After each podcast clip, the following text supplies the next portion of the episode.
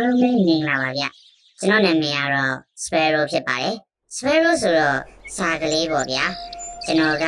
ဂီတအနုပညာမှာသချင်းဆိုရတာကိုဝါသနာပါတယ်လေအဲအဆိုဝါသနာပါတယ်ပေါ့ဗျာကျွန်တော်လူသားတွေရဲ့မနေ့ခင်းတိုင်းကိုစာကလေးတွေအဲငှက်ကလေးတွေရဲ့ကြီးကြီးကြကြအော်တဲ့တာယာတန်လေးတွေနဲ့နိုးထကြရတယ်မလားဟုတ်တယ်လေကျွန်တော်တို့နေဘက်တွေမှာဆိုရင်တော့ မနေ့ခင်းအိယာကနိုးလို့အခန်းပြတင်းပေါက်လေးကိုဖွင့်လိုက်ပြီဆိုတာနဲ့အနီးပတ်ဝန်းကျင်ကတစ်ပင်လေးတွေပေါ်မှာစာကလေးတွေငှက်ကလေးတွေရဲ့ကြီးကြီးကြကြအော်တဲ့တာယာတန်လေးတွေကကြားနေကြရစမြဲပါအဲကျွန်တော်လည်းဒီလိုပဲပေါ့ကျွန်တော်ကသချင်းအဆိုဝါဒနာပါတဲ့သူဆိုတော့အနာဂတ်ကာလမှာကျွန်တော်ဖန်တီးပြီးဆိုမဲ့သချင်းလေးတွေရဲ့ဂီတတန်စင်လေးတွေနဲ့ လူသားတိုင်းရဲ့မနဲ့ခင်းလေးတွေကိုတတရရနိုးထစေခြင်းနဲ့စိတ်ဆန္ဒရှိရလေအဲအဲ့ဒီတော့တာယာတဲ့မနဲ့ခင်းတိုင်းမှာကြားရလေးရှိတဲ့စာကလေးတွေရဲ့အတန်ကိုအစွဲပြုပြီးကျွန်တော်နာမည်ကို Sparrow လို့ပေးဖြစ်သွားတယ်ဆိုပါတော့ဟဲကျွန်တော်ကအမြင်အာရုံမတန်ဆွမ်းသူတစ်ယောက်ဖြစ်ပြီးတော့2008 2009ပညာသင်နှစ်ကနေစပြီးတော့မျက်မြင်ကျောင်းတစ်ခုပေါ့နော်သင်တန်းကျောင်းတစ်ခုမှာ ပညာသင်ကြားပြီးတော့အခုအချိန်မှာဆိုလို့ရှိရင်တော့တက္ကသိုလ်အဆင့်မှာကျွန်တော်ပညာသင်ကြားနေပြီးတော့လက်ရှိအခြေအနေမှာတော့မျက်မှောက်ခေတ်နိုင်ငံရေးပြည်ပခအခြေအနေတွေနောက်ပြီးတော့ကိုဗစ်ကာလအခြေအနေတွေကြောင့်ပညာဆက်လက်သင်ကြားခြင်းမပြုဘဲရပ်နားထားပြီးတော့အိမ်မှာပဲကိုဝါဒနာပါရာလေးတွေကိုတက်နိုင်သမျှလုပ်ရင်းနဲ့နေနေပါတယ်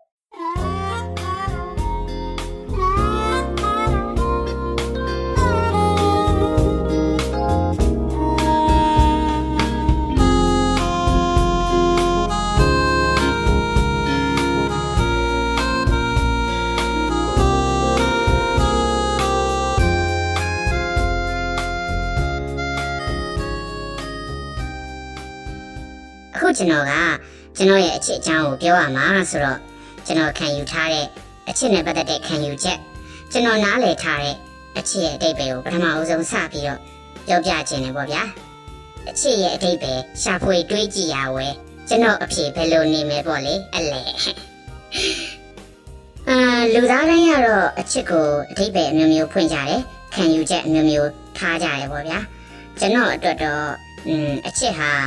လူသားတိုင်းရဲ့နှလုံးသားအထက်ကအရှင်သခင်လို့ပဲမြင်ပါတယ်။အမ်စပယ်ရိုရမင်းလာပြန်ပြီ။သူ့အိမ်တင်းရဲ့တချင်းစာသားကြီးအဲဒါတွေလာပြောပြနေတယ်။အဲ့လိုမျိုးတော့မဟုတ်ဘူးဗျ။အာဘာဖြစ်လို့လဲဆိုတော့ဒါကျွန်တော်တို့စပြီးတော့အဲခံစားရတဲ့ခံစားမှုက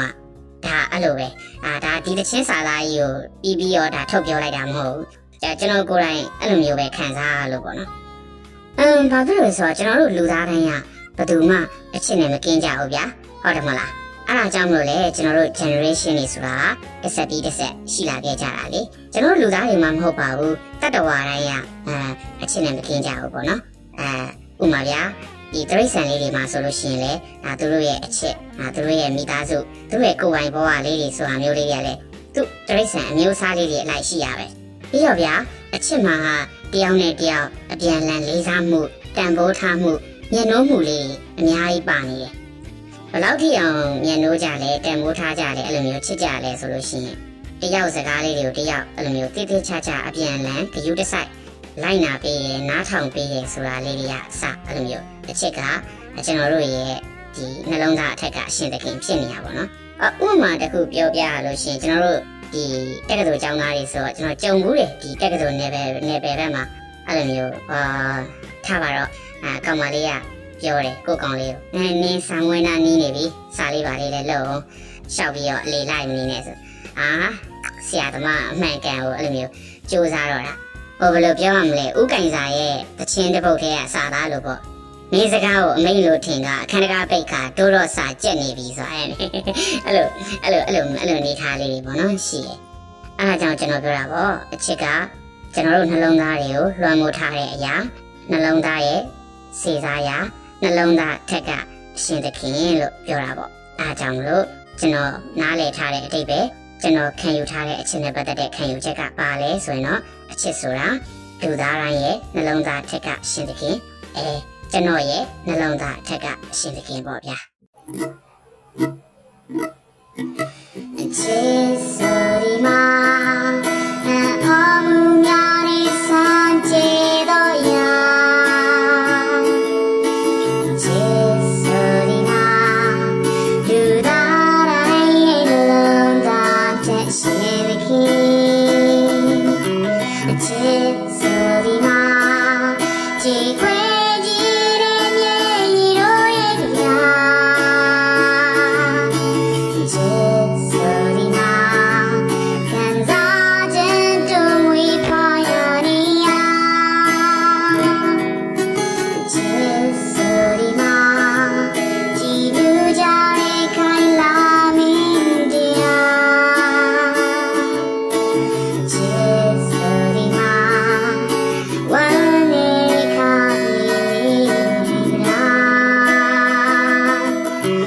to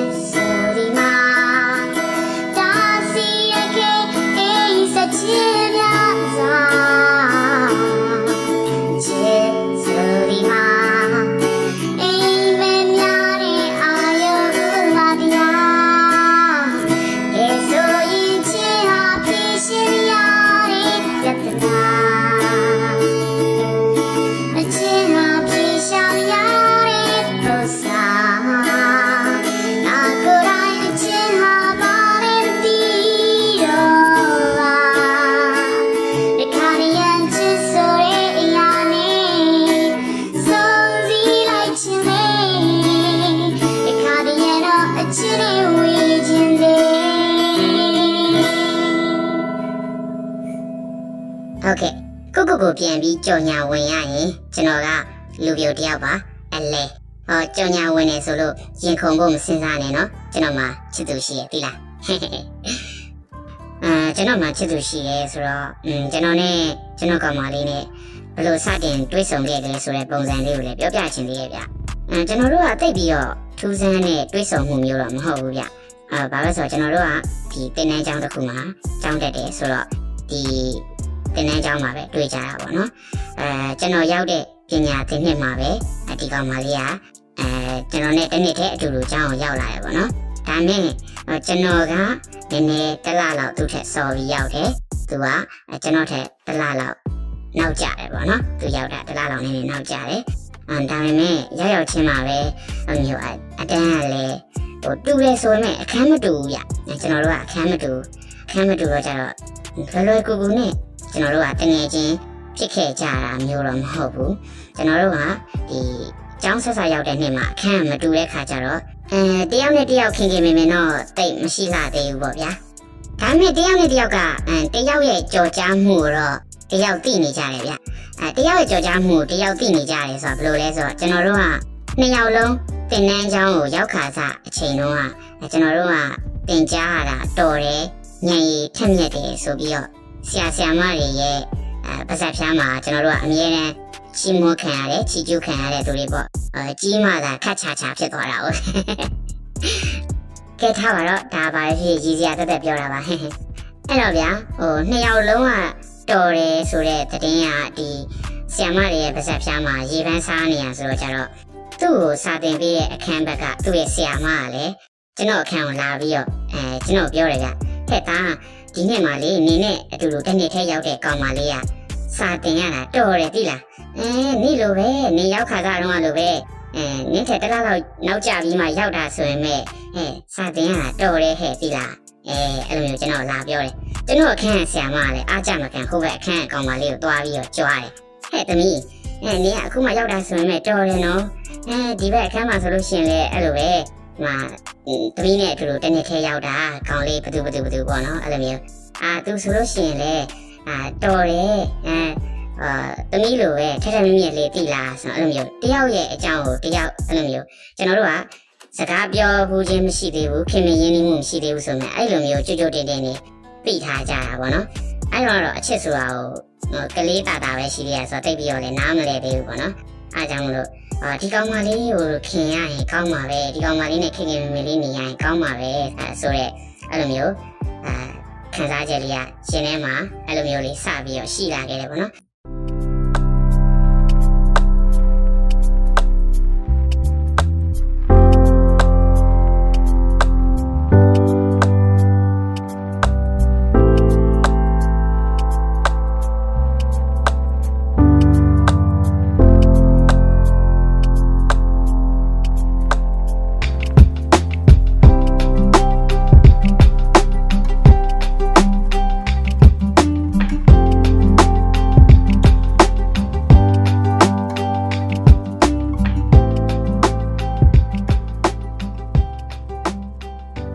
ကျွန်တော်တို့နှစ်ယောက်ကိုချစ်သူတွေဖြစ်လာဖို့အတွက်အဓိကအောင်သွယ်ပေးတဲ့တရက်ခံတွေကဘယ်သူတွေလဲဆိုရင်တော့ဆီယာမတွေလို့ပဲပြောရမှာပဲဒီလိုနဲ့နောက်တစ်နေ့ရောက်သွားတော့ကျွန်တော်တို့ကတခန်းနဲ့အတူတူစာရီပါတွေတင်ကြရပြီဗျအဲအဲ့ခါကျတော့ခင်မင်းအရင်ကြီးဆုံးတငယ်ချင်းတွေဖြစ်ပြီးတော့တင်ကြရတာတော်တယ်ဆိုတဲ့အချိန်လေးကလည်းဆက်ပြီးတော့ရှိနေရပါတော့ကျွန်တော်တို့နှစ်ယောက်ကလည်းအဲ့လိုမျိုးအခင်မင်းဆုံးတွေပါဖြစ်သွားကြတယ်ဆိုတော့တန်တာချင်းချင်းတငယ်ချင်းတွေကစတာလည်းရှိရဲ့ အတန်းမတူပေမဲ့အကြောင်းသိတငယ်ချင်းတွေကလည်းစတာမျိုးအဲ့လိုမျိုးလေးရှိတယ်။ဒါပေမဲ့ကျွန်တော်တို့ကအဲ့ချိန်တော့ကတော့ဟိုကလေးတာတာပဲရှိသေးရဆိုဖြူဖြူစင်စင်ပဲအဲ့လိုမျိုးတငယ်ချင်းအနေထားမျိုးပဲရှိရပါတော့လုံးဝတငယ်ချင်းတန်ရောစင်နဲ့အဖြူစင်စုံကျွန်တော်တို့မြောက်ခင်ခင်မင်းမင်းနဲ့ဆက်ဆံခဲ့ကြပါတယ်။ဒီလိုနဲ့အလေတန်းចောင်းသားဘဝရောက်လာတဲ့ခါကျတော့ကျွန်တော်သူ့ကိုရင်ခုန်တက်ခဲ့ပြီပေါ့နော်။အလေအာချစ်တက်ခဲ့ပြီပေါ့ချစ်မိသွားခဲ့ပြီပေါ့အဲ့အချိန်ရောက်လာတဲ့ခါကျတော့ အဲ့တော့ဒီနေရာမှာတခုပြောစရာရှိရယ်ကျွန်တော်တို့ဒီအလဲနဲ့ចောင်းသားဘဝမှာအာကလေးတွေကဒီအခြေရေးကိစ္စကိုစိတ်ဝင်စားရလားဆိုပြီးတော့ကျွန်တော်တို့မိကုန်းထုတ်လာစရာကြီးတော့ရှိရပါတော့။ဒါပေမဲ့ကျွန်တော်တို့အမြင်အယုံမတန်ဆွမ်းသူတော်တော်များများကကျွန်တော်တို့ကအသက်ကြီးမှတင်နန်းကျောင်းတွေကိုအပုတ်ခံရတာဖြစ်တဲ့အတွက်မိဘတွေကအသက်ကြီးမှတင်တဲ့ကြောင်းတွေကိုပို့ကြတယ်ဟာကိုသားသမီးတွေကိုစိတ်မချဘူးဘာဖြစ်တယ်ညာဖြစ်တယ်နဲ့အဲအဲ့လိုမျိုး အသက်အရွယ်နဲ့အတန်းနဲ့မျှတတဲ့အချိန်မှာတော့ကတော့မပို့ကြပဲနဲ့အသက်တွေကြီးလာပြီးကလေးကိုယ်တိုင်ကလည်းကြောင်းသွားခြင်းစိတ်တွေဖြစ်ပေါ်နေပြီဆိုတော့အရွယ်အနေထားတော့ရောက်မှပို့တဲ့အခါကျတော့အာဘယ်ပြောမလဲဒီ12နှစ်13နှစ်အဲ14နှစ်15နှစ်အဲ့ဒီအရွယ်လောက်ရောက်မှကျွန်တော်တို့ကတင်တန်းကျောင်းတွေကိုရောက်ကြရတယ်ပေါ့နော်အဲ့တော့ကျွန်တော်တို့နှစ်ယောက်ကအလေတန်းကျောင်းသားတွေဆိုရင်ပဲသူနဲ့ကျွန်တော်နဲ့ချစ်သူဖြစ်တဲ့အချိန်မှာ ကျွန်တော်အသက်က18နှစ်ပြည့်ပြီလို့16နှစ်ထဲကိုရောက်နေပြီသူ့အသက်ဆိုလို့ရှိရင်လည်း20ပြည့်လို့22နှစ်ထဲကိုရောက်တဲ့အချိန်ကိုရောက်နေပြီပေါ့နော်ကျွန်တော်တို့ကတင်တန်းကျောင်းတွေကိုရောက်တာနောက်ကျလို့အလေတန်းအဆင်မရှိသေးရဆိုပေမဲ့အသက်အရွယ်တွေကတော့အဲကျွန်တော်အပေါ်မှာပြောပြခဲ့တဲ့အတိုင်းဖြစ်နေကြပြီပေါ့နော်ကျွန်တော်တို့နှစ်ယောက်လုံးက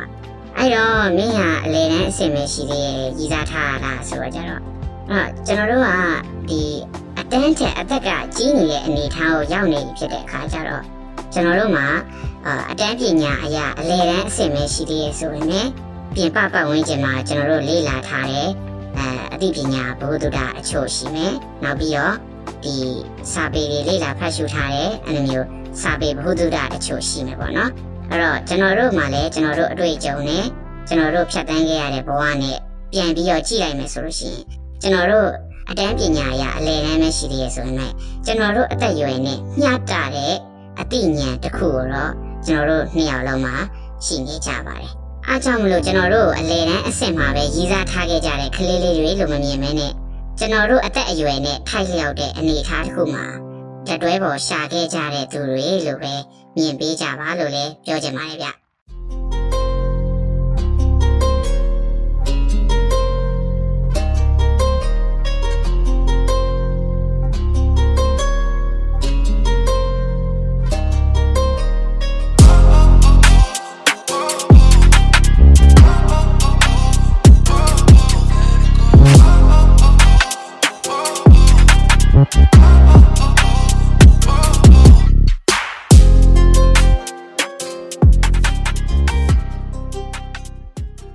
တော်တို့ညောင်ချစ်သူဖြစ်သွားကြတဲ့ပုံစံလေးရလည်းနည်းနည်းတော့ထူးဆန်းနေဗျအာကျွန်တော်တို့ကအယိုးသားဆုံးခင်မင်ခဲ့ကြတဲ့တငယ်ချင်းတွေဆိုတဲ့အခါကျတော့အာချစ်သူအဆင့်ကိုတုံတုံနဲ့တက်ဖို့မလွယ်ဘူးလေသူ့ချစ်တာချစ်မိနေတာကျွန်တော်ကလည်းဒီအဆင့်ကိုကြော်ပြီးတော့อืมပြောဖို့ကမပြောရဲဘူးပဲပြောရမှာပေါ့နော်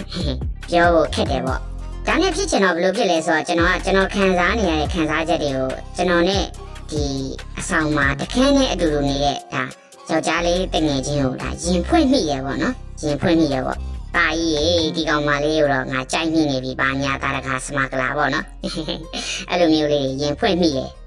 အဲ့တော့ဗာဖြစ်ဖြစ်ကျွန်တော်ကရင်ဖွင့်မိပြီးသွားပြီဆိုတော့ဒီကောင်ကကျွန်တော်ကနှုတ်ပိတ်ရတာပေါ့နော်ရောက်သားကြီးမင်းဘယ်သူမှတော့ရှောက်မပြောနဲ့နော်ငါလည်းသူ့ကိုပြောရဲသေးရမဟုတ်ဘူးဆိုတော့ကြတော့ဒီကောင်ကကျွန်တော်ဗာပြောလဲဆိုတော့အေးအေးတဲ့အဲ့လိုပေါ့နော်အေးပါကွာအေးပါကွာဘယ်သူမှရှောက်မပြောပါဘူးဆိုပြီးတော့အာမခံသွားတဲ့တငယ်ချင်းကလည်း တစ္ဆာရှိစွာနဲ့ပဲကျွန်တော်ချစ်မိနေတဲ့ကောင်မလေးကိုမှသွားပြီးတော့အာနင်းကိုငါတို့အခန်းထဲကကောင်လေးတယောက်ကတော့ကြိုင်နေပြီအဲ့ဒါဘယ်သူလဲဆိုတာသိချင်တော့ကိုယ့်အကိုစုံစမ်းပြီးတော့ဆိုပြီးတော့ဒီကောင်ကကျွန်တော်ကိုကြက်သွားပါလေရောအဲ့တော့ကောင်မလေးကလည်းသူ့ကိုချစ်မိနေတာကျွန်တော်ဆိုတာသိပြီးတော့ရိပ်မိပုံမရဘူးဗျ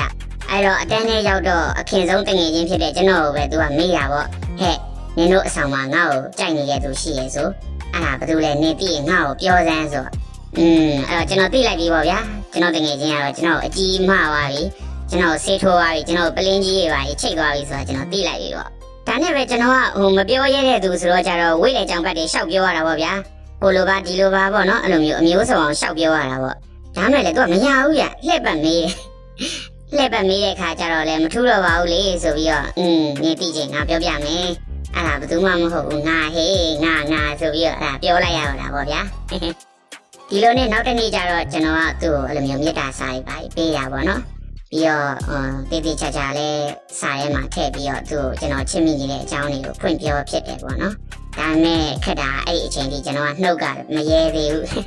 ပြောပြီးတော့တာတော့မှနောက်ထပ်ထပ်ပြောဖို့ကသူ့ကိုမရဲသေးဘူးပေါ့နော်အာထားပါတော့အဲ့လိုအဲ့လိုနဲ့နောက်တစ်လခွဲနှစ်လနီးပါလောက်အဲ့လောက်ကြာတဲ့အခါကျတော့ သူစီကအဖြစ်ပြန်ရခဲ့တယ်အဲ့ဒီလိုနဲ့ကျွန်တော်တို့ချစ်သူတွေဖြစ်ခဲ့ကြပါတယ်အဲ့လိုနဲ့ကျွန်တော်တို့နှစ်ယောက်ငငယ်တော့ခင်နေအခုချစ်ရတဲ့တငယ်ချင်းချစ်သူလေးရဲ့ဆိုပြီးတော့ချစ်သူတွေဖြစ်ခဲ့ကြတာဟာဆိုလို့ရှိရင်အဲအခုချိန်မှာတော့များမကြမီလပိုင်းအတွင်းမှာကျွန်တော်တို့ရဲ့ချစ်သူတက်တန်ကိုနှစ်ပြည့်မြောက်တော့မှာလည်းဖြစ်ပါတယ်ဗျယမချင်နာ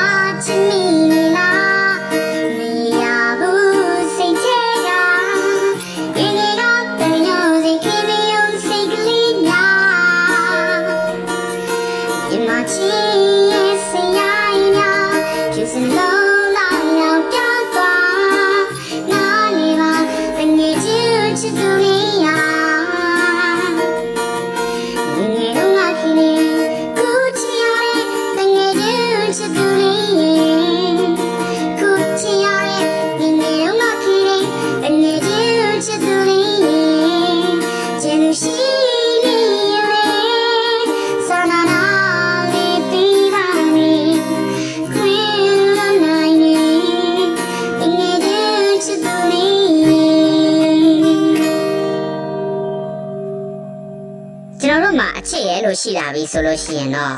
အဲ့ဒီအချစ်နဲ့အတူမဖြစ်မနေထည့်သွင်းစဉ်းစားရမယ့်အကြောင်းအရာတစ်ခုကလည်းပါလာပြန်နေဗျအဲ့ဒါကတော့ထိမ်းများလက်ထက်ချင်းပါပဲထိမ်းများလက်ထက်ချင်းလို့ပြောလိုက်ရင်တော့လူတော်တော်များများကချစ်ရတဲ့သူနဲ့ပျော်ရွှင်စွာပေါင်းဖက်လို့ပါဤလို့စန္ဒပြုဆူတောင်းမှုကြတဲ့သူတွေပဲဖြစ်ကြမှာပါဒါနဲ့ကိုချစ်ရတဲ့သူနဲ့တကယ်တမ်းလက်ထက်ကြဖို့စဉ်းစားရပြီဆိုလို့ရှိရင်တော့နှစ်ဖက်မိဘအတိုင်းဝိုင်းရဲ့သဘောတူကြည်ပြမှုရှိမရှိ အလောက်ကိုင်းခွင်လန်းရရှိမှုအပေါ်မှာမူတည်ပြီးတော့ရှင်ဖော်နှစ်ဦးအနာဂတ်ဘဝကိုတိဆောက်တဲ့အခါမှာပြည်လည်မှုရှိမရှိပြီးတော့ကျွန်တော်မတန်ဆွမ်းသူတွေမှာဆိုလို့ရှိရင်လေကျွန်တော်တို့ရဲ့မတန်ဆွမ်းမှုအမျိုးအစားပေါ်မှာမူတည်ပြီးတော့တကယ်တမ်းလက်ထက်ကြဖို့အတွက်ဖြစ်နိုင်မဖြစ်နိုင်ဆိုတာတွေကိုလည်းထည့်သွင်းစဉ်းစားဖို့ကလိုအပ်ပါသေးရဲ့ဗျမိဘသဘောတူညီမှုရှိမရှိဆိုတဲ့အပိုင်းနဲ့ပတ်သက်ပြီးတော့ပြောရမယ်ဆိုရင်တော့တာမန်ဒီတန်ဆွမ်းသူတွေနဲ့ကျွန်တော်တို့မတန်ဆွမ်းသူတွေနဲ့ အာမတူဘူးဗျတာမန်တန်ဆွမ်းသူတွေမှာကြတော့နောက်ဆုံးဘလုံးမသဘောမတူသည့်တိုင်အောင်နှစ်ယောက်လက်တွဲနိုင်တဲ့ဘဝကိုတိဆောက်နိုင်ကြတယ်ဆိုလို့ရှိရင်နှစ်ဦးတဘောသူဒါလက်ထပ်လိုက်ကြတာလွယ်လွယ်လေးပေါ့နော်အဆင်ပြေရဲ့ကျွန်တော်တို့ပတ်ဝန်းကျင်မှာလည်းအဲသဘောမတူဘဲနဲ့လက်ထပ်သွားကြတဲ့သူတွေအများကြီးဒါတွေ့ဘူးတာတွေလည်းရှိရဲ့ပေါ့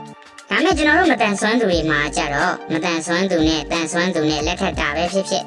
မတန်ဆွမ်းသူချင်းချင်းပဲလက်ထပ်ကြတာပဲဖြစ်ဖြစ် နှစ်ဖက်မိဘအတိုင်းဝိုင်းရဲ့ဒါဟိုဟန်တားမှုတွေအဲ့လိုမျိုးလေးတွေကတော့ရှိရဲ့ဗျဒီနေရာမှာကျွန်တော်တို့ရဲ့မိဘတွေကိုသဘောမတူလို့ဆိုပြီးတော့လည်းအပြစ်ပြောလို့ကမရပြန်ဘူးဗျဘာလို့လဲဆိုတော့ဒီမတန်ဆွမ်းသူသားသမီးတွေကိုပိုင်ဆိုင်ထားကြတဲ့မိဘတွေကကိုယ့်သားသမီးတွေရဲ့မတန်ဆွမ်းမှုအမျိုးအစားပေါ်မှာမူတည်ပြီးတော့စိုးရိမ်ပူပန်မှုတွေရှိကြတယ်အဲဥမာအဖြစ်မတန်ဆွမ်းသူနဲ့တန်ဆွမ်းသူနဲ့လက်ထပ်မယ်ဆိုလို့ရှိရင်အဲနင်းကငါသားကိုထားသွားရင်ဘယ်လိုလုပ်မလဲငါသမီးကိုထားသွားရင်ဘယ်လိုလုပ်မလဲဒါဒါဒါမျိုးတွေလည်းရှိရဲ့ အဲ့လိုမတန်ဆွမ်းသူနဲ့တန်ဆွမ်းသူနဲ့လက်ထပ်ဖို့အတွက်မိဘကသဘောမတူလို့မတန်ဆွမ်းသူအချင်းချင်းလက်ထပ်ကြမယ်ဆိုလို့ရှိရင်လေသူတို့ရဲ့စိုးရိမ်ပူပန်မှုတွေရှိနေကြပြန်ရောဗျဥပမာကျွန်တော်တို့အမြင်အယုံမတန်ဆွမ်းသူတွေရဲ့ကြုံနေရတဲ့အခြေအနေတွေနဲ့ပြောပြရမယ်ဆိုလို့ရှိရင်တော့ဒါမိန်းကလေးဆိုလို့ရှိရင်လည်းမိန်းကလေးမိဘတွေဘက်ကဟမ်နင်တို့မြင့်မြင့်အချင်းချင်းဆိုတော့အဲလက်ထပ်လိုက်ကြရင်နင်ယူမဲ့ယောက်ျားလေးကအဲနင့်ကိုဘလို့လောက်ကင်ကျွေးမွေးမှာတော့စင်ပြေပါမလားအဲဆိုတာမျိုးတွေရှိတ ခါဒီယောက်ျားလေးမိဘတွေဘက်ကဆိုလို့ရှိရင်လည်းအာဘလို့လို့အဆင်ပြေမှာတော့နင်တို့မြင့်မြင့်အချင်းချင်းဆိုလို့ရှိရင်အဲတကယ်တမ်းကိုကအားကိုးစရာကြုံလာလို့ရှိရင်မြင်တဲ့သူမှအဆင်ပြေမှာပေါ့အာမမြင်တဲ့သူအချင်းချင်းလက်ထပ်ရင်ကိုကအားကိုးစရာကြုံလာရင်သူ့ကိုဘလို့သွားပြီးတော့အားကိုးမလဲဆိုတာဒီလိုမျိုးအာစိုးရိမ်ပူပန်မှုတွေသူတို့မှာအများကြီးရှိနေတယ်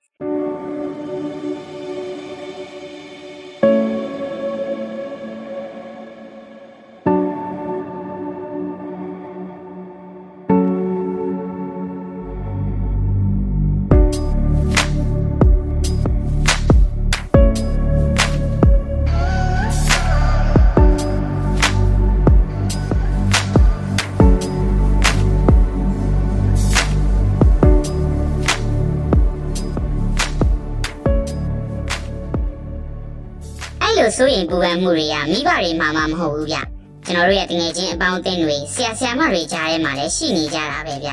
အာကျွန်တော်တို့ဆိုလို့ရှိရင်ဒါဆရာမတယောက်ကပြောဦးတယ်အဲ့ဆရာမကသူကစာသင်ရုံနဲ့မကဘူးကျွန်တော်တို့ဆိုလို့ရှိရင်ဒါသူ့ရဲ့ဘဝအတွေ့အကြုံတွေနဲ့ရှင်ပြီးတော့ကျွန်တော်တို့သင်ခန်းစာယူတင်တာတွေကိုအမြဲတမ်းပြောပြောပြလေးရှိရဲ့ဆရာမတယောက်ပေါ့နော်သူကကျွန်တော်ကိုပြောဦးတယ်ဒါတဲ့အာနင်လက်ထပ်ဖို့အတွက်စဉ်းစားတော့မယ်ဆိုလို့ရှိရင်အာ မြင်တဲ့ကောင်မလေးကိုပဲနင်စဉ်းစားပေါ့နော်အဲ့တော့မြဲမြင်အချင်းချင်းပြန်ပြီးတော့အဲ့လိုမျိုးလက်ထပ်ဖို့အတွက်မစင်စားနဲ့ဆိုပြီးတော့သူကပြောဦးတယ်သူကတော့စေတနာနဲ့ပြောပြတာပေါ့နော်ဘာတွေအထိပြောပြလဲဆိုလို့ရှိရင်ဒီမွေးရပါမြဲမြင်အချင်းချင်းဒါလက်ထပ်ကြတယ်ဆိုလို့ရှိရင်ဒီမျိုးရိုးလိုက်ပြီးတော့သားသမီးမှာပါဒီအမြင်အယုံမတန်ဆွမ်းမှုတွေဖြစ်ပေါ်တတ်တယ်ဆိုတဲ့ကိစ္စတွေကအစပေါ့နော်အဲ့ဒါမျိုးတွေကအစကျွန်တော်တို့ဒါပြောပြခဲ့ဘူးလေပေါ့အဲ့တော့ ဟိုတော်တော်များများကတော့အဲ့လိုကျွန်တော်တို့မတန်ဆွမ်းသူပေါ့နော်ကျွန်တော်အမြင်အယုံအတိုင်းဝိုင်းမှာဆိုလို့ရှိရင်တော့အမြင်အယုံမတန်ဆွမ်းသူအချင်းချင်းကိုတိတ်ပြီးတော့လက်ထပ်ဖို့အတွက်အားပေးတဲ့သူအာမရှိသလောက်နည်းတယ်ပေါ့နော်နောက်တစ်ခုကအလောက်ကင်ခွင်လန်းရရှိမှုပေါ့အလောက်ကင်ခွင်လန်းရရှိမှုမှာဆိုလို့ရှိရင်လေဗျာအဲကျွန်တော်တို့မတန်ဆွမ်းသူတွေအတွက်အလောက်ကင်ခွင်လန်းနည်းကျွန်တော်တို့အမြင်အယုံမတန်ဆွမ်းသူတွေအနေနဲ့ပဲပြောရမယ်ဆိုလို့ရှိရင်တော့ဒါကျွန်တော်တို့ဒီတွင်တွင်ကြဲကြဲလုပ်လို့ရတဲ့အလုပ်က အကျော်ပြင်လုပ်ငန်းတစ်ခုပဲရှိရပေါ့နော်ကျန်တဲ့အလုပ်ကိုင်တွေလည်းရှိတော့ရှိရဲဒါပေမဲ့တိတ်ပြီးတော့အဲမတွင်ကျဲလဲတိတ်ပြီးတော့မတွင်ကျဲသေးသလိုမတူညီတဲ့အခြားလုပ်ငန်းခွင်တစ်ခုကနေပြီးတော့ဒါထိုးဖောက်နိုင်တဲ့စွန့်ဦးတီထွင်သူတွေလည်းဒါဟိုမရှိသလောက်နေသေးရပေါ့နော်အားကြောင့်မလို့ကျွန်တော်တို့မတန်ဆွမ်းသူတွေအနေနဲ့မိသားစုဘဝကိုတိဆောက်တဲ့နေရာမှာအလောက်ကိုင်ခွင်လန်းရရှိမှုနေပါခြင်းကလည်းအခက်အခဲတစ်ခုဖြစ်လို့နေတာပေါ့ဗျာ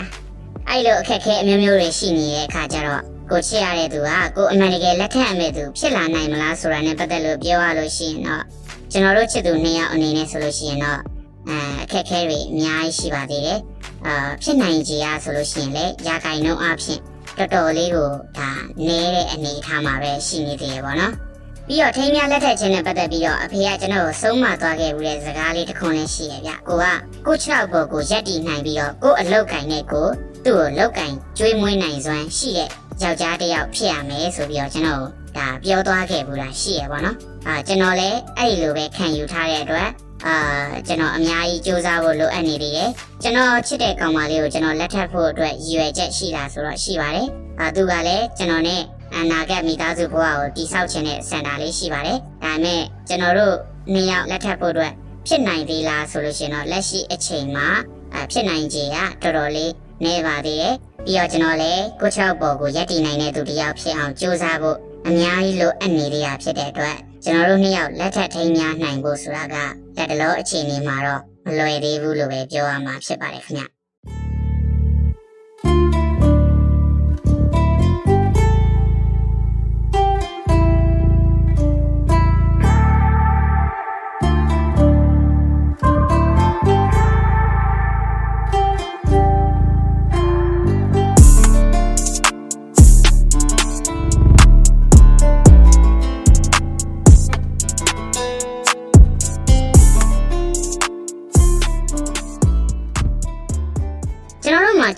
စ်သူရဲ့လို့ရှိလာခဲ့ပြီဆိုလို့ရှိရင်တော့နောက်ထပ်အဓိကကြတဲ့အချက်တစ်ချက်ကလည်းရှိနေသေးတယ်ဗျအဲ့ဒါကရေရှည်ဆက်ဆံရေးခိုင်မြဲဖို့ဖြစ်ပါတယ်အဲ့တော့ရေရှည်ခိုင်မြဲတဲ့ relationship တစ်ခုဖြစ်ဖို့ဆိုလို့ရှိရင်တော့ကျွန်တော်တို့နှစ်ယောက်ကဘယ်အရာတွေကိုလက်ခံထားလဲဆိုလို့ရှိရင်တော့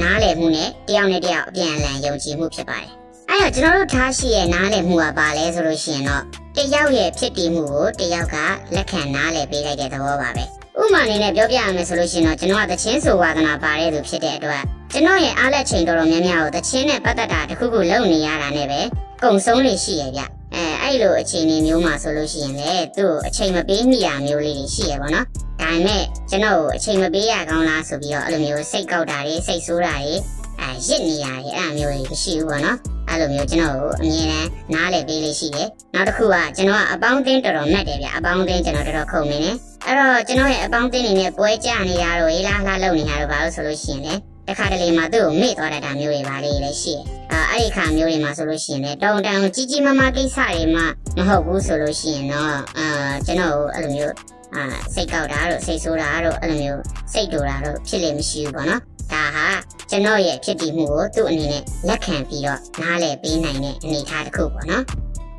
နောက်တစ်ခုကဘာလဲဆိုရင်တော့အပြန်အလှန်ယုံကြည်မှုဗျဒါလည်းကျွန်တော်တို့ရဲ့ relationship မှာအဓိကကြတဲ့အချက်တစ်ချက်အဖြစ်နဲ့ကျွန်တော်ထားထားတယ်ပေါ့နော်အာအပြန်အလှန်ယုံကြည်မှုဆိုတာတော့ကျွန်တော်တို့တခါလေကြားလို့ရှိရင်ဆေးထိုးတဲ့တငယ်ချင်းတွေပလင်းကြီးချိတ်တဲ့တငယ်ချင်းတွေပေါ့နော်အာအဲ့လိုမျိုးရှိရဲ့အာဟိုခြုံတုံးလုပ်တဲ့တငယ်ချင်းတွေပေါ့နော် အဲ့လိုတွေဖြစ်လာကြပြီဆိုလို့ရှိရင်လည်းကျွန်တော်တို့ကတယောက်နဲ့တယောက်အပြန်လှန်သူတို့ခြုံတုံးလုပ်သွားတဲ့အတိုင်းဟုတ်မဟုတ်အဲတန်ရရတွေကိုမေးပြီးတော့ခြေဖြတ်ကြရတယ်ပေါ့နော်ဟဲ့နင့်ကိုတော့အာဒီလိုဒီလိုလာပြောရတယ်ငါ့ကိုအဲ့လိုပြောရတယ်အဲ့ဒါနေဟုတ်လားအာမဟုတ်ပါဘူးအဲ့ဒါအမှန်တကယ်ဖြစ်တာကတော့တစ်မျိုးနဲ့သူရှင်းပြတယ်အာကျွန်တော်ဆိုလို့ရှိရင်လည်းအဲသူပြောတယ်ပေါ့နော်ဟဲ့အာနင်းဟိုဟိုကောင်ကဒီလိုလာပြောရတယ်အာနင်းအာဟုတ်လားဆိုလို့ရှိရင်အာမဟုတ်ပါဘူးအဲ့ဒါ तू ကငါ့ကိုမကြည့်နဲ့လို့ပြောတာပါဘာဖြစ်တာညာဖြစ်တာပေါ့နော် အဲ့လိုမျိုးအကျိုးတင်အကြောင်းတင်ပြန်ရှင်းပြလို့ရှိရင်အာကျွန်တော်တို့နှစ်ယောက်ကတယောက်နဲ့တယောက်အပြန်အလှန်လက်ခံကြတယ်အာယုံကြည်ကြတယ်ပေါ့နော်ဒါကလည်းကျွန်တော်တို့နှစ်ယောက်ကြားထဲမှာထားရှိထားတဲ့ယုံကြည်မှုပေါ့ဒါမျိုးတွေမရှိတဲ့ဟိုကျွန်တော်တို့ပတ်ဝန်းကျင်မှာတငယ်ချင်းတွေလည်းအများကြီးတွေ့ဘူးလေပေါ့အာအဲ့လိုမျိုးမတွေ့ခါကျနည်းနည်းလေးကျွန်တော်တို့ကအများကြီးပို့စရာမလိုသူတို့နည်းနည်းလေးစေးထိုးပေးလိုက်တာနဲ့အာတွေ့မယ်အိုက်ကောင်ငါနဲ့တွေ့မယ်အာအိုက်ကောင်မငါနဲ့တွေ့မယ်ဆိုမျိုးပါတယ်အဲ့ဒါမျိုးရှိရဲ့အာအဲ့လိုမျိုးတွေရှိလာတဲ့ခါကျလို့ရှိရင်တော့အဆင်မပြေဘူးပေါ့နော်အားကြောင့်မလို့ကျွန်တော်တို့ အပြန်အလှန်ယုံကြည်မှုဆိုတာလည်းထားရှိထားဖို့လိုအပ်ပါတယ်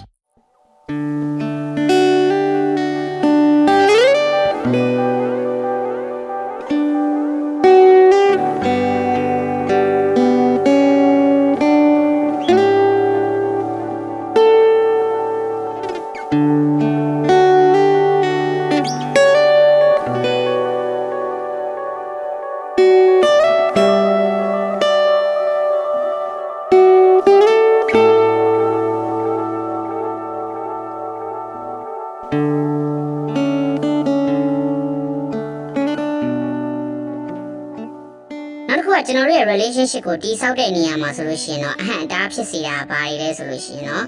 အာကျွန်တော်တို့အာမဟုတ်တန်းတရားတွေပြောကြတဲ့တငယ်ချင်းတွေပါအဲ့တော့ကျွန်တော်တို့ကျင်လည်ခဲ့ရတဲ့ကျွန်တော်တို့ဇုံတွဲကျင်လည်ခဲ့ရတဲ့ပတ်ဝန်းကျင်ကအဲ့လိုမျိုးစေးထိုးကြတဲ့သူတွေနည်းနည်းများတယ်ဗျစေးထိုးတဲ့တငယ်ချင်းတွေပေါ်တဲ့ရက်ကွက်မှာနေခဲ့တာဆိုကြတော့လေအဲ့လိုစေးထိုးတဲ့လူတွေနည်းနည်းများတယ်ဗျအဲ့ဒါကိုတော့ကျွန်တော်တို့ကအဓိကထားပြီးတော့ရှောင်ကျင်ရတယ် အဲ့တော့ဟိုဘယ်လိုပြောမလဲဆိုတော့ကျွန်တော်တို့ဒီအာချစ်သူတွေဖြစ်ခါစားအမျိုးဒီနှစ်နှစ်သုံးနှစ်ကာလပေါ့နော်ဒီတက်တန်းနှုတ်သေးတဲ့ကာလတွေမှာဆိုရင်ကိုလောင်ဆိုးတယ်အာဟိုအဓိကအဖြစ်တော့ကျွန်တော်ကအအပေါင်းအသင်းခုံနေတဲ့သူဖြစ်တဲ့အတွက်အာကျွန်တော်မှယောက်ျားလေးတငယ်ချင်းနဲ့မကောင်းမိန်းကလေးတငယ်ချင်းတွေဆိုလို့ရှိရင်လည်းအများကြီးရှိရပဲကျွန်တော်ကိုတော်တော်များများကျွန်တော်ခင်မင်သလိုလည်းပြန်ပြီးတော့ခင်မင်တတ်ကြတယ်အာနောက်ပြီးတော့ဟိုကျွန်တော်လိုပဲဒီအပေါင်းအသင်းနဲ့ခင်ခင်မင်မင်နေရတာကိုအာ သဘောကျတဲ့မိန်းကလေးတငယ်ချင်းနေရာဆိုလို့ရှိရင်လည်းကျွန်တော်နဲ့တော်တော်ကြီးကြိုက်တယ်အဲ့လိုမျိုးအပေါင်းအသင်းတွေဖြစ်ကြတယ်အဲ့ခါမျိုးကြလို့ရှိရင်တော့ဘေးနာတငယ်ချင်းနေရာဒါကျွန်တော်ရဲ့ချစ်သူစီကိုသွားပြီးတော့ခြုံတုံးလောက်ကြပြီပေါ့နော်အာနေကောင်လေးကတော့ဟိုကောင်မလေးနဲ့စကားတွေပြောနေတဲ့တာမှာဖြောင်ဖြူလို့ဘလို့ဖြစ်တာညာလို့ဖြစ်တာဆိုပြီးတော့အဲ့လိုမျိုးတွေသွားပြီးတော့အာဆေးတွေထိုးကြရပေါ့နော်အဲ့ခါမျိုးမှာဆိုလို့ရှိရင်တော့ကျွန်တော်တို့က G-Fire ရဲ့ red စာသားတွေလို့ဖြည့်ရှင်းရတာပေါ့ဗျာသိရမလား ဘေးကပေါင်းအသင်းတွေစီတွေထိုးလို့မထင်မှတ်တာတွေဖြစ်လာခဲ့ရင်ချစ်ချင်းမြတ်တာကိုတော့မင်းကမြင်တတ်ပါစေတွေပါလေလောက်ရတာပေါ့အဲ့လိုမျိုးတွေလည်းခဏခဏကြုံခဲ့ရဘူးလေအာဘယ်လောက်ထိအောင်တောင်ကြုံခဲ့ရဘူးလဲဆိုလို့ရှိရင်တော့နောက်ဆုံးဖြစ်တဲ့တစ်ခေါက်ဆိုလို့ရှိရင်အာကျွန်တော်တို့နှစ်ယောက်နှစ်လလောက်ကိုပေါ့နော်အဲ့လိုမျိုးပြက်ပြက်သွားတယ်လို့ပဲပြောရမှာပေါ့နော်အဲ့လောက်လောက်ထိဖြစ်သွားတယ်နှစ်လလောက်ကြာမယ်ထင်တယ်ဟုတ်တယ်တစ်လကြော်ကြော်နှစ်လလောက်အဲ့လောက်လောက်ကြာပြီးမှကျွန်တော်တို့ပြန်ပြီးတော့ဆက်ခဲ့ကြတယ်ပေါ့နော် ပြန်ဆင်ပြေသွားတဲ့အခါကျတော့အပြန်အလှန်ယုံကြည်မှုကိုနှစ်ယောက်လုံးအဓိကထားပြီးတော့ဆွေးနွေးခဲ့ကြပြီးတော့တယောက်နဲ့တယောက်တန်တရားတွေဖြစ်လာပြီဆိုလို့ရှိရင်လေအဲ့တန်တရားတွေကိုအအပြန်အလှန်ယုံကြည်မှုနဲ့ပဲကျွန်တော်တို့ခြေဖြတ်ရင်းနဲ့အခုအချိန်ထိပဲလက်တွဲမြင်းမြင်းနဲ့ရှေ့ဆက်နေပါတယ်လို့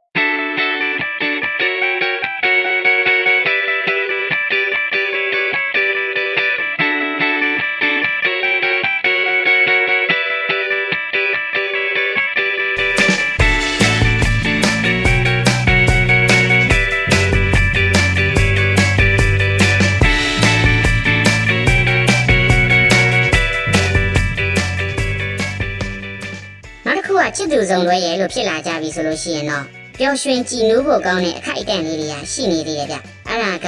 တယောက်နဲ့တယောက်ချင်းဆိုပြီးတော့ချင်းတွေ့တဲ့အခိုက်အတန့်လေးတွေပေါ့အာ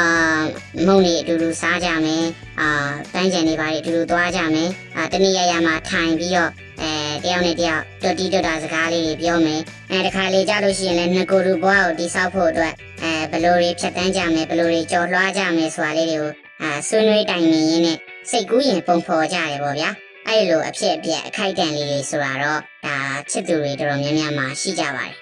ဒါနဲ့ကျွန်တော်တို့ရဲ့ relationship မှာကျတော့ချိန်တွေ့ဖို့ကမလွယ်ဘူးဗျဘာဖြစ်လို့လဲဆိုတော့ကျွန်တော်တို့ကသင်တန်းကျောင်းတစ်ခုမှာပညာသင်ကြားရတဲ့ကျောင်းသားကျောင်းသူတွေဖြစ်တဲ့အတွက်ကျောင်းကချမှတ်ထားတဲ့စည်းကမ်းတွေကိုလိုက်နာရမယ့်တာဝန်ကျွန်တော်တို့မှာရှိတယ်အဲ့ဒီခါကျတော့ကျွန်တော်တို့ရဲ့ကျောင်းကချမှတ်ထားတဲ့စီကံတွေကိုပေါင်းကျော်ပြီးတော့ကျွန်တော်တို့ကသွားချင်းတွေ့မယ်ဆိုလို့ရှိရင်မတော်တဆကျောင်းထွက်သွားရတာမျိုးလိုဘာလို့ဖြစ်မယ်ဆိုလို့ရှိရင်တော့ဒါကျွန်တော်တို့ရဲ့ဘဝတွေ အနာဂတ်ပြောက်သွားတာမျိုးတွေပါဖြစ်နိုင်ပါတယ်အဲ့ဒီအတွက်လူချင်းချင်းတွေ့ရမျိုးတော့ကျွန်တော်တို့အာမလုပ်ဖြစ်ခဲ့ကြဘူးပေါ့နော်တော်တော်လေးရှားပါတယ်ရှားပါတယ်ဆိုတော့လုပ်ကိုမလုပ်ဘူးပေါ့နော်အာကျွန်တော်ကတက္ကသိုလ်အဆင့် level ရောက်သွားလို့အာအပြင်မှာအဲ့လိုမျိုးခွင်ဖန်ပြီးတော့အဲချင်းတွေ့မယ်ဆိုလို့ရှိရင်လည်းအဆင်မပြေတာတွေကအများကြီးရှိနေသေးတယ်အာအတားအဆီးတွေကလည်းအခက်အခဲတွေကလည်းအများကြီးရှိနေသေးတာဖြစ်တဲ့အတွက်အဲအဲ့လိုမျိုးတော့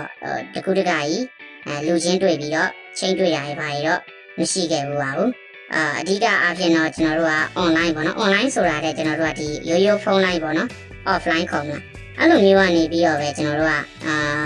ကျွန်တော်တို့ဘဝရှိရေးတွေကျွန်တော်တို့အဲချစ်သူနှစ်ယောက်ရဲ့တာယာကြည်နူးမှုတွေကိုအဲ့လိုမျိုးဒီဖုန်းပြောခြင်းနဲ့ပဲကျွန်တော်တို့ကဖြတ်တန်းခဲ့ရတယ်ပေါ့နော်အာဒါဟိုးကျွန်တော်တို့ဒီရှေ့ကအမြယုံမတန်ဆွမ်းသူစုံတွဲရေးဆိုလို့ရှိရင် အဲဖုန်းတောင်မရှိရခေတ်တုန်းကဆိုလို့ရှိရင်တို့တို့တော့ဘာလို့လုပ်ရလဲဆိုလို့ရှိရင်ဒီစာလေးတွေအပြန်လှန်ရေးပြီးတော့ပို့ကြတာတို့အဲတခါဒီဟို tape recorder တို့ဒီ MP3 recorder တို့အဲ့လိုမျိုး recorder လေးတွေနဲ့အဲတယောက်နဲ့တယောက်အတန်သွင်းပြီးတော့ချစ်စကားကြိုက်စကားလေးတွေအဲ့လိုမျိုးတွေပြောကြတာဘဝရှိရေးအကြောင်းလေးတွေပြောကြတာတို့ဘာလို့အဲ့လိုမျိုးတွေလုပ်ခဲ့ရတဲ့အနေအထားလေးတွေလည်းရှိတယ်ဒါကျွန်တော်တို့တွေချစ်သူတွေဖြစ်ပြီးတော့အာနှစ်နှစ်သုံးနှစ်လောက်ကြာတဲ့အခါကျမှ ဒီ smartphone တွေပါတယ်ဆိုတာလည်းတွင်တွင်ကြဲကြဲဖြစ်လာတယ်အဲဖုန်းတွေပါတွေကလည်းလူရန်စိတ်ကင်နိုင်တဲ့အနေအထားတွေဖြစ်လာတယ်ဆိုတော့ကျတော့ဒါကျွန်တော်တို့ခေတ်ကြတော့ net တိုးတက်လာတယ်လို့ပြောရမှာပေါ့နော်အဲ့တော့ကျွန်တော်တို့နှစ်ယောက်အမြဲတမ်းလို့လို့စကားပြောပြတာကတော့အဲ့လိုမျိုးဖုန်းကနေပဲပြောဖြစ်ပါတယ်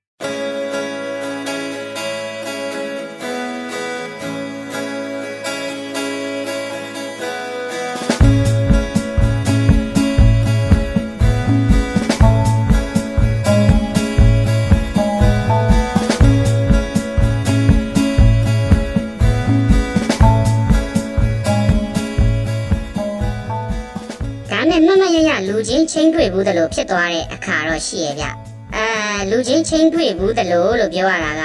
ကျွန်တော်တို့ကတမင်တကာကွင်ဖန်ပြီးတော့ချင်းတွေ့တာမဟုတ်ဘူးဆရာချစ်ဦးညိုပြောသလိုပြောရလို့ရှိရင်တော့အကွက်ဆိုင်လို့ကိုဖြစ်သွားတာပေါ့နော်ဒါအကွက်ဆိုင်လာလို့သူကလည်းသူဖြစ်သွားတာပေါ့အဲ့ဒါဘယ်လိုလဲဆိုလို့ရှိရင်ကျွန်တော်တို့နှစ်ယောက်ကအတန်းတူတယ်ဗျအတန်းတူတဲ့အခါကျတော့ကျွန်တော်တို့ကစာသင်ခန်းကိုရောက်တယ်ဆိုလို့ရှိရင်လည်းကျွန်တော်တို့ကစာသင်နေရတဲ့အချိန်ကုန်နဲ့ကျောင်းဆင်းတော့လည်းအေးစာသင်ပြီးဒီတိုင်းပဲပြီးပြန်သွားရတယ်ပေါ့နော် အဲ့တော့ကျွန်တော်တို့နှစ်ယောက်တွေ့တဲ့အချိန်တော်တော်များများကဟိုချစ်စကားကြိုက်စကားတွေပြောဖို့အတွက်အချိန်မရှိဘူးအမြဲတမ်းပဲစာသင်နေရတယ်အဲတနေ့ကျတော့ဟို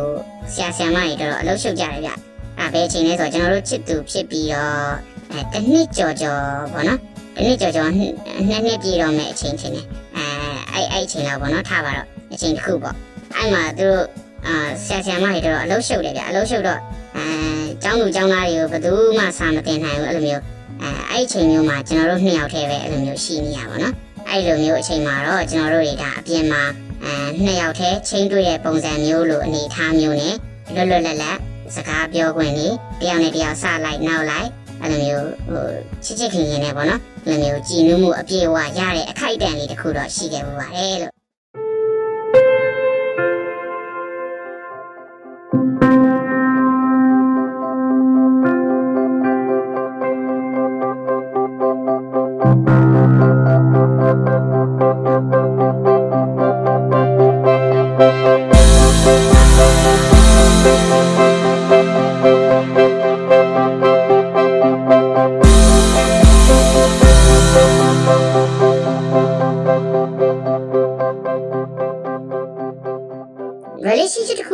ကိုတိဆောက်တဲ့နေရာမှာမတန်ဆွမ်းသူနဲ့တန်ဆွမ်းသူနဲ့တိဆောက်ထားတဲ့ relationship ကပုံစံတစ်မျိုး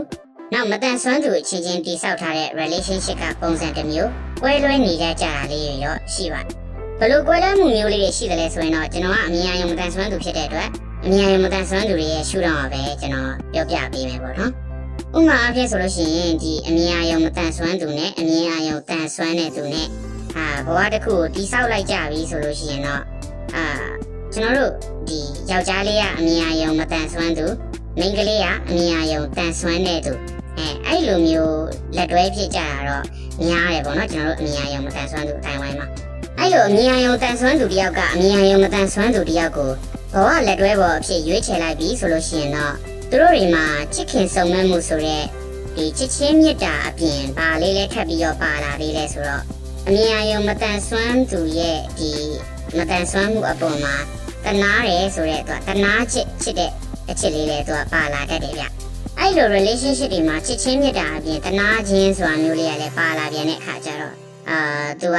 ပို့ပြီးတော့ခိုင်မြဲလေးရှိရပါတော့အဲ့လိုအဲအမြင်အယုံတန်ဆွမ်းသူနဲ့မတန်ဆွမ်းသူနဲ့လက်ထက်တဲ့နေရာမှာအဲ့လိုမျိုးချစ်ချင်းမြတ်တာလေးတွေကတော့ပို့ပြီးတော့ခိုင်မြဲလေးရှိရဲဒါနဲ့တချို့ အဲကျွန်တော်တို့အမြင်အယုံတန်ဆွမ်းသူတွေဘက်ကလည်းမကောင်းတဲ့အချက်ကလေးတချို့တော့သွားတွေ့ရတာမျိုးလေးတော့ရှိရပါတော့အဲ့ဒါဘာလဲဆိုတော့တချို့မိသားစုတွေမှာဆိုတော့ကျွန်တော်တွေ့ဦးတယ်အဲ့တော့အမြင်အယုံတန်ဆွမ်းသူကကိုယ့်ကိုအာမတန်ဆွမ်းမှုကြောင့်သူကအဲဘယ်လိုပြောမလဲတနာချစ်ကလေးချစ်တဲ့ခါကျတော့အဲ့ဒီပုံမှာအခွင့်အရေးယူပြီးတော့အာကျွန်တော်တို့အမြင်အယုံမတန်ဆွမ်းသူတွေကအဲ့လိုမျိုးအာစိုးသွမ်းကျင်တာတွေမိုက်မဲကျင်တာတွေအဲ့ဒါမျိုးလေးလည်းရှိတယ်အဲ့တော့အဲ့လိုမျိုးမိသားစုတွေလည်းကျွန်တော်တချို့ အာပတ်ဝန်းကျင်မှာတွေ့ကြရဘူးလေပေါ့နော်ဒါနဲ့သူတို့နှစ်ယောက်ကကွဲသွားတဲ့အနေအထားမျိုးလောက်ထိဖြစ်သွားသလားဆိုတော့လေအဲ့လောက်ထိတော့မဖြစ်ခဲ့ဘူးဘလို့ပြဿနာမျိုးတွေပဲရှိခဲ့ရှိခဲ့အတက်နိုင်ဆုံးလက်တွဲသွားကြတဲ့စုံတွဲတွေရများပါတယ်နောက်တစ်ခုကကျတော့မတန်ဆွမ်းသူချင်းချင်းရဲ့ relationship ပေါ့နော်အဲ့ relationship မှာကြတော့လေအာအပြန်အလှန်နားလည်မှုတွေအပြန်အလှန်ယုံကြည်မှုတွေရှိကြတယ်ဘာလို့လဲဆိုတော့ဒီတယောက်ရဲ့မတန်ဆွမ်းမှုကိုတယောက်ကနားလည်တယ် အဲ့တော့တယောက်နဲ့တယောက်ဖေးဖေးမမရှိကြရပေါ့နော်အဲ့ဒီလိုမျိုးချစ်ချင်းမြတ်တာတွေလည်းရှိတယ်ဒါပေမဲ့ဒီဘဝကိုရုန်းကန်ကြတဲ့နေရာမှာအာဘယ်လိုပြောမလဲအခက်အခဲတွေရှိလာကြပြီဆိုလို့ရှိရင်တော့အာဘယ်လိုပြောမလဲဆိုလို့ရှိရင်ဒီကြောက်ကစားလေးတွေဖြစ်တဲ့ဟာမျိုးလေးရှိအဲ့လိုမျိုးကြောက်ကစားလေးတွေဖြစ်သွားကြတဲ့အနေအထားမျိုးလေးတွေရနေပြီးတော့အာကွဲဟဲကွာဟဲဆိုပြီးတော့အဲ့လိုမျိုးအနေအထားတွေထိအမတန်ဆွမ်းသူချင်းချင်းကြားထဲမှာကျတော့အဲ့လိုမျိုးလေးဖြစ်သွားကြတာမျိုးလေးလည်းရှိရဲ့အာ ဒါကြောင့်မလို့ဒီကျွန်တော်တို့အမြင်အယုံတန်ဆွမ်းသူလောကမှာဆိုလို့ရှိရင်လည်းတချို့အဲ့လိုမျိုးမိသားစုလေးတွေရှိတယ်အဲဝဲကွာသွားကြတာမျိုးလေးအလုံးဝတယောက်နဲ့တယောက်ပြန်မပေါင်းနိုင်ကြတော့တဲ့အနေအထားမျိုးလေးတွေအားမျိုးလေးတွေအထိရှိတာမျိုးလေးတွေပဲရှိတယ်ဒါပေမဲ့တူညီနေတဲ့အချက်တစ်ခုကိုပြောပြပါဆိုလို့ရှိရင်တော့အာဘယ်လိုပြောမလဲဒီမတန်ဆွမ်းသူအချင်းချင်းမှာပဲဖြစ်ဖြစ်တန်ဆွမ်းသူနဲ့မတန်ဆွမ်းသူနဲ့ပဲဖြစ်ဖြစ်အာဘယ်လိုပြောမလဲဆိုလို့ရှိရင်တော့နားလည်မှုနဲ့ ပြေဝတဲ့ဒီချစ်ချင်းမြတ်တာတွေနဲ့တိဆောက်ထားတာတခုကတော့တူညီတဲ့အချက်လက်တခုလို့တော့အဲကျွန်တော်ကမြင်မိတာပေါ့နော်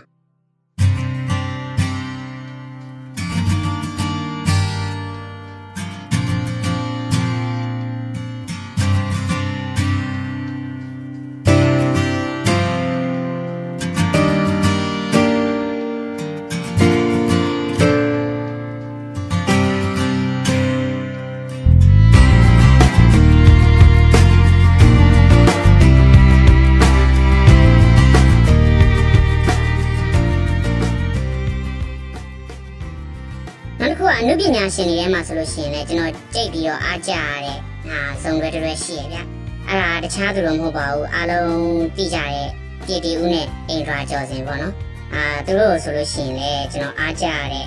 ဒါစုံရွယ်တွဲထဲမှာပါတယ်ပေါ့နော်ဘာလို့သူတို့အားကြရလဲဆိုတော့သူတို့ကအဆအဆရရတူညီတယ်လို့ပြောလို့ရတယ်ပေါ့နော်အာဘလို့အဆအဆရရတူညီလဲဆိုတော့နှစ်ယောက်လုံးကဒီအနုပညာဝါသနာပါကြတယ်အနုပညာကိုပဲလုပ်ကြတယ် အဲ့ဒီဟာမှာမှသူကနေပယ်ချင်းကတခါထပ်ပြီးတော့တူလိုက်သေးတယ်ဘာဆိုတော့သူကရုပ်ရှင်တရုပ်ဆောင်နေပေါ့နော်အဲ့တော့ကျွန်တော်ကဘာလို့သဘောကျလဲဆိုတဲ့အခါကျတော့အာသူတို့ရဲ့ဒီဟိုလက်တွဲညီမှုပေါ့နော်လက်တွဲညီမှုအာဖူးစာဖန်လာမှုပေါ့နော်သူတို့ကံကြမ္မာကိုလည်းကျွန်တော်သဘောကျတယ် ဘာလို့လဲဆိုတော့သူတို့ကိုဒီသက်ဆုံးတိုင်လက်တွဲသွားနိုင်မဲ့ဇုံတွဲတွေလို့ကျွန်တော်မြင်တယ်။ဘာလို့ဆိုတော့နှစ်ယောက်စလုံးကဒီရုပ်ရှင်တရုပ်ဆောင်လောက်ရတာကိုပဲဝါသနာပါတဲ့သူတွေဒါကိုပဲခုံခုံမင်းမင်းနဲ့အခုချိန်ထိဒါလုပ်ပြီးတော့အောင်မြင်နေကြတဲ့ဇုံတွဲလည်းဖြစ်တယ်ဆိုတဲ့အခါကျတော့ဟာကျွန်တော်တို့သဘောကျတယ်အာကျွန်တော်လည်းအဲ့လိုမျိုးဖြစ်ချင်တယ်ပေါ့နော်အဲကျွန်တော်ရဲ့ဘဝမှာအဲကျွန်တော်နဲ့အဲ့လိုမျိုးအာဝါသနာတူတဲ့အဲအဲ့လိုမျိုးသူလေးနဲ့အဲ စုံကျင်တဲ့စိတ်ကူးရင်မှုလေးတွေပါလေးလည်းတစ်ခါတလေရှိခဲ့ဦးလေဗျပြီးတော့ဇက်ကားတစ်ခါလေးကကျွန်တော်သဘောကျမိတဲ့အတူယူမိတဲ့စုံတွဲတွဲရဲ့ပုံစံမျိုးလေးကိုလည်းကျွန်တော်နည်းနည်းပြောပြအောင်မယ်ပေါ့နော်အဲ့ဒါကြတော့ရုပ်ရှင်တော့မဟုတ်ဘူးဗျကျွန်တော်တို့ကဗီဒီယိုဇက်ကားဗျဘာလို့လဲဆိုတော့ကျွန်တော်တို့ငငယ်တုန်းကဒီဗီဒီယိုတွေခက်ကောင်းတဲ့အချိန်ဆိုကြလေအဲတော့ဗီဒီယိုဇက်ကားတွေပဲအများဆုံးကြည့်ရတာဆိုတော့ကျွန်တော်တို့လည်းဗီဒီယိုဇက်ကားတွေနဲ့ပဲဖြတ်တန်းလာတာဟုတ်အာတရုပ်ဆောင်ထားတာတော့မြင်းမြင်းနဲ့တက်မွန်မြင်းနဲ့ဗျ အာဇက်ကားနာမည်ကတော့ကြီးပွားချမ်းသာတဲ့အာအဲ့ဒီဇက်ကားလေးပေါ့နော်အာအဲ့ဒီဇက်ကားလေးမှာဆိုလို့ရှိရင်တော့သူကမင်းသားနဲ့မင်းသမီးကကျတော့သူကနောက်ခံ background ကတော့မိသားစုကနှစ်ဖက်စလုံးကတော့ချမ်းသာကြတဲ့နောက်ခံ background ပြောရတော့အခြေအနေကောင်းတဲ့အနေအထားမျိုးရှိတဲ့အာမိသားစုအတိုင်းဝိုင်းကလာကြတဲ့သူတွေပေါ့နှစ်ယောက်လုံးအဲ့တော့သူတို့နှစ်ယောက်ကအာတက္ကသိုလ်မှာတွေ့ကြတယ်အာချစ်သူတွေဖြစ်သွားကြတယ်ဒါပေမဲ့သူတို့ပေါင်းတင်းတဲ့တငယ်ချင်းတွေကြတော့သူအဲ့လိုမျိုးမဟုတ်ဘူး အာသူတို့ character နာမည်တော့ကျွန်တော်မေ့သွားပြီနော်အာဟိုမင်းသမီးရဆိုလို့ရှိရင်လည်းမင်းသမီးရဲ့ဒါမင်းသမီးနဲ့ပေါင်းတဲ့တငယ်ချင်းတွေကဒါဆင်းရဲတယ်အဲတာမန်လက်လုံလက်စားတွေကတငယ်ချင်းမျိုးတွေဖြစ်တယ်မင်းသားဆိုလို့ရှိရင်လည်းအာမင်းသားနဲ့ပေါင်းတဲ့အဲ့လိုမျိုးတငယ်ချင်းတွေကြတော့သူအဲ့လိုမျိုးဒီအခြေခံလွမ်းစားအဲ့လိုမျိုးဆင်းရဲတဲ့အနေအထားမျိုးတွေရှိတယ်အဲ့ခါကျတော့သူတို့နှစ်ယောက်ချစ်သူတွေဖြစ်သွားတဲ့ခါကျတော့ဘလို့စိတ်ကူးရလဲဆိုတော့အာသူတို့တွေလက်ထပ်ဖြစ်ခဲ့ကြတဲ့အခါကျလို့ရှိရင် ဘယ်မိဘအုပ်ထင်းသူရဲ့ကုညီထောက်ပံ့မှုမှမပါပဲမင်းတို့ကိုမွေးပေးခဲ့တာဟဲ့ဆိုပြီးတော့ဒါလက်မထောင်ပြီးတော့ဒါသားသမီးတွေကိုပြောပြနိုင်ဖို့အတွက်သူတို့ကအဲအဲ့လိုမျိုးရည်ရွယ်ချက်ကလေးနဲ့ရုန်းကန်ကြတယ်အာအာမင်းသားကလည်းအဲ့လိုပဲသူကြုံရအလုပ်တွေပါလုပ်တယ်အဲ့လိုစိုက်ကားတွေပါနေနေတယ်ကျွန်တော်တေချာတော့မှတ်မိတော့သူအလုပ်တွေပါမင်းသမီးရဆိုလို့ရှိရင်အဲ့လိုပဲသူအဲဒါစူးစမ်းရပေါ့နော်သူကွန်းရတွေပါရောင်းနေတယ်အဲ့ဒါလည်းကျွန်တော်တေချာတော့မှတ်မိတော့ဇက် ကားကြည့်ထားတာကြာပြီဆိုတော့လေအဲ့ထားပါတော့နောက်ဆုံးကြတော့ဒီသူတို့ရဲ့စူးစမ်းမှုနဲ့သူတို့ရဲ့ယက်တီမှုနဲ့သူတို့ပဲအာသူတို့ရဲ့သားသမီးလေးသူတို့ရဲ့ရင်သွေးလေးရတဲ့အထိဘဝတစ်ခုကိုအဲသိအောင်စူးစမ်းရုန်းကန်ပြီးသွားတဲ့နောက်ပိုင်းမှာတော့သူတို့ရဲ့မိဘတွေနဲ့ပြန်ဆက်သွယ်ပြီးတော့အဲဒီရက်ွက်လေးကနေပြန်သွားကြတယ်အဲ့ဒီခါမှာဒီရက်ွက်လေးထဲမှာကြံခဲ့တဲ့သူတို့နဲ့အတူတူပေါင်းသင်းနေထိုင်ခဲ့ကြတဲ့တငယ်ချင်းတွေအဲအဲ့လိုမျိုးအတိမိတ်ဆွေတွေကသူတို့လွမ်းပြီးတော့ကြံခဲ့ရဆိုတဲ့အနေထားမျိုးလေးနဲ့ အဲဇလန်းလေးကိုဆုံးသက်ထားတဲ့ပုံစံလေးပေါ့။ဘာလို့အတူယူသဘောကျမိလဲဆိုတော့နှစ်ဖက်လုံးကချမ်းသာတဲ့မိသားစုအတိုင်းဝိုင်းရလူတွေဖြစ်ပေမဲ့ကိုချောက်ပေါ်ကိုရက်တည်ပြီးတော့ဘဝကိုတကယ်စူးစမ်းရုန်းကန်ကြတယ်ဆိုတော့အဲသူတို့ရဲ့ခံယူချက်လေးကိုတော့သဘောကျတွေ့ယူမိပါတယ်ဗျ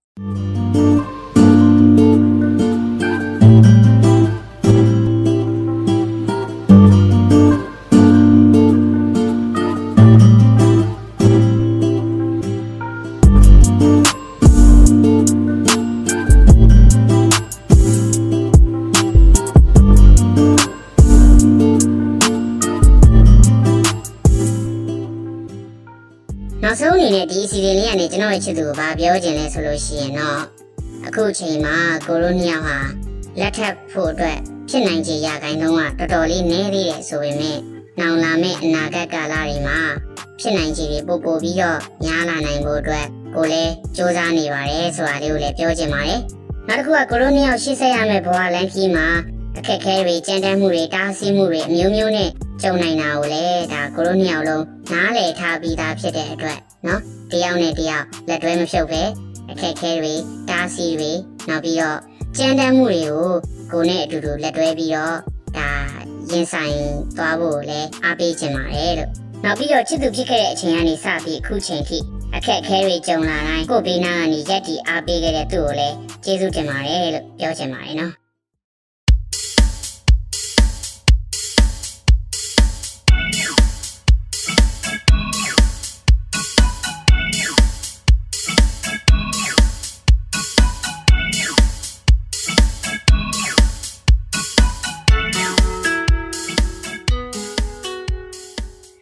စီအစဉ်မှာအသက်35နှစ်အောက်အိမ်တော်မပြူရသေးတဲ့ဧည့်သည်တင်ဆက်သူတွေအနေနဲ့လည်းတူတကွပူပေါင်းပါဝင်တင်ဆက်ဖို့အတွက်လည်းဖိတ်ခေါ်အပ်ပါတယ်ရှင်။ကျမတို့လူမှုအတိုင်းအဝန်မှာချစ်ချင်းမြတ်တာတွေဘလို့အတိုင်းတာရှိနေနိုင်မလဲ။ချစ်ချင်းမြတ်တာကိုတယောက်နဲ့တယောက်ပုံဖော်ချင်းကပ်တဲ့နေရာမှာဘယ်လိုမျိုးနေနမိတ်တွေရှိနေနိုင်မလဲ။ဒီနေနမိတ်တွေကဒီဘယ်လိုမျိုးအတားအဆီးတွေဖြစ်ပေါ်လာနိုင်မလဲ။ဒါတွေကိုနောက်ပတ်မှာတော့ ချစ်ချင်းတရားနဲ့နေနမိတ်ကန့်သတ်မှုတွေအပြင်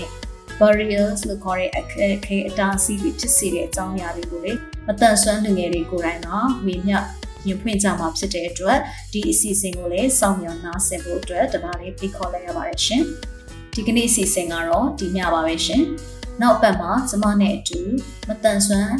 လူငယ်တွေကဘယ်လိုမျိုးသူတို့ရဲ့နှလုံးသားရေးရာချစ်ချင်းမေတ္တာတိဆောက်ခြင်းနဲ့နယ်နိမိတ်တွေပေါ်မှာ မိသားစုအားဖြင့်တော့၎င်းအခြားလူမှုအတိုင်းဝိုင်းအားဖြင့်တော့၎င်းသူတို့ကြုံတွေ့နေရတဲ့အကြောင်းအရာတွေကိုရှင်းဖွင့်ဝေမျှကြမှာဖြစ်တဲ့အတွက်မိတ်ဆွေတို့အနေနဲ့ရင်ခုန်စိတ်လှုပ်ရှားစွာစောင့်မျှော်နာဆင်နိုင်မှုဖြစ်ကြောင်းလည်းတပါးတဲ့အသိပေးအပ်ပါတယ်ရှင်။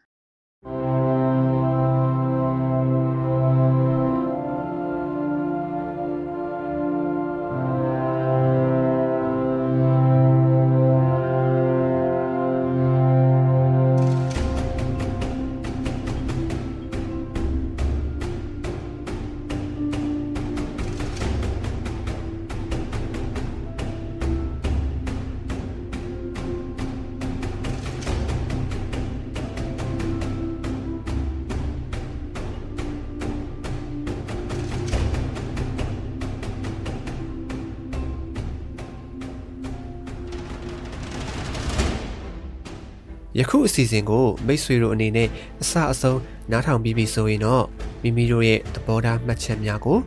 Anchor မှာအတန်နဲ့စာနှမျိုးလုံးနဲ့ဖြစ်စေ Facebook မှာစာနဲ့ဓာတ်ပုံနှမျိုးလုံးနဲ့ဖြစ်စေပေးနိုင်ပါပြီနော်ဒီအစီအစဉ်နဲ့ပတ်သက်ပြီးမိတ်ဆွေတို့ရဲ့မှတ်ချက်ပေးခြင်းအကြံဉာဏ်ပေးခြင်းမေးမြန်းခြင်းတို့ကိုလည်းအထူးပဲဖိတ်ခေါ်ပါရစေမိမိတို့ရဲ့ပူပေါင်းတင်ဆက်မှုအတွက်ဒါမှမဟုတ်စုံစမ်းမေးမြန်းမှုအတွက်စိတ်ဝင်စားတဲ့ဆိုရင်တော့ myanmarcinemaability@gmail.com ဒါမှမဟုတ်တင်ဆက်သူများရဲ့ Viber နံပါတ်များဖြစ်တဲ့ကိုပြည့်39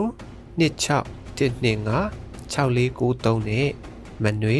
39 453939 6935နှစ်တို့ကိုဆက်သွယ်ဆောင်ရွက်နိုင်ပါတယ်။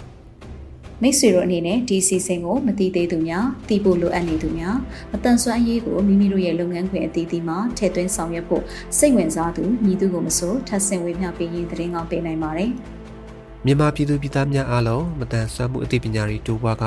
ခွဲခြားဆက်ဆံမှုကင်းပြီးအားလုံးအကျုံးဝင်တဲ့လူမှုအတိုင်းအဝန်တစ်ခုကိုအမြန်ဆုံးဖော်ဆောင်နိုင်ပါစေလို့ဆန္ဒပြုရင်းဒီကနေ့အစီအစဉ်ကိုဒီမှာရင်ရန်နာပါရစေ။ တောတာရှင်အားလုံးနေ့ရက်အသက်တိုင်းမှာကောင်းစည်းမင်္ဂလာပေါင်းများစွာရယူပိုင်ဆိုင်နိုင်ပါစေလို့လည်းကျွန်မကဆုတောင်းမြတ်တာပို့တာအပ်ပါတယ်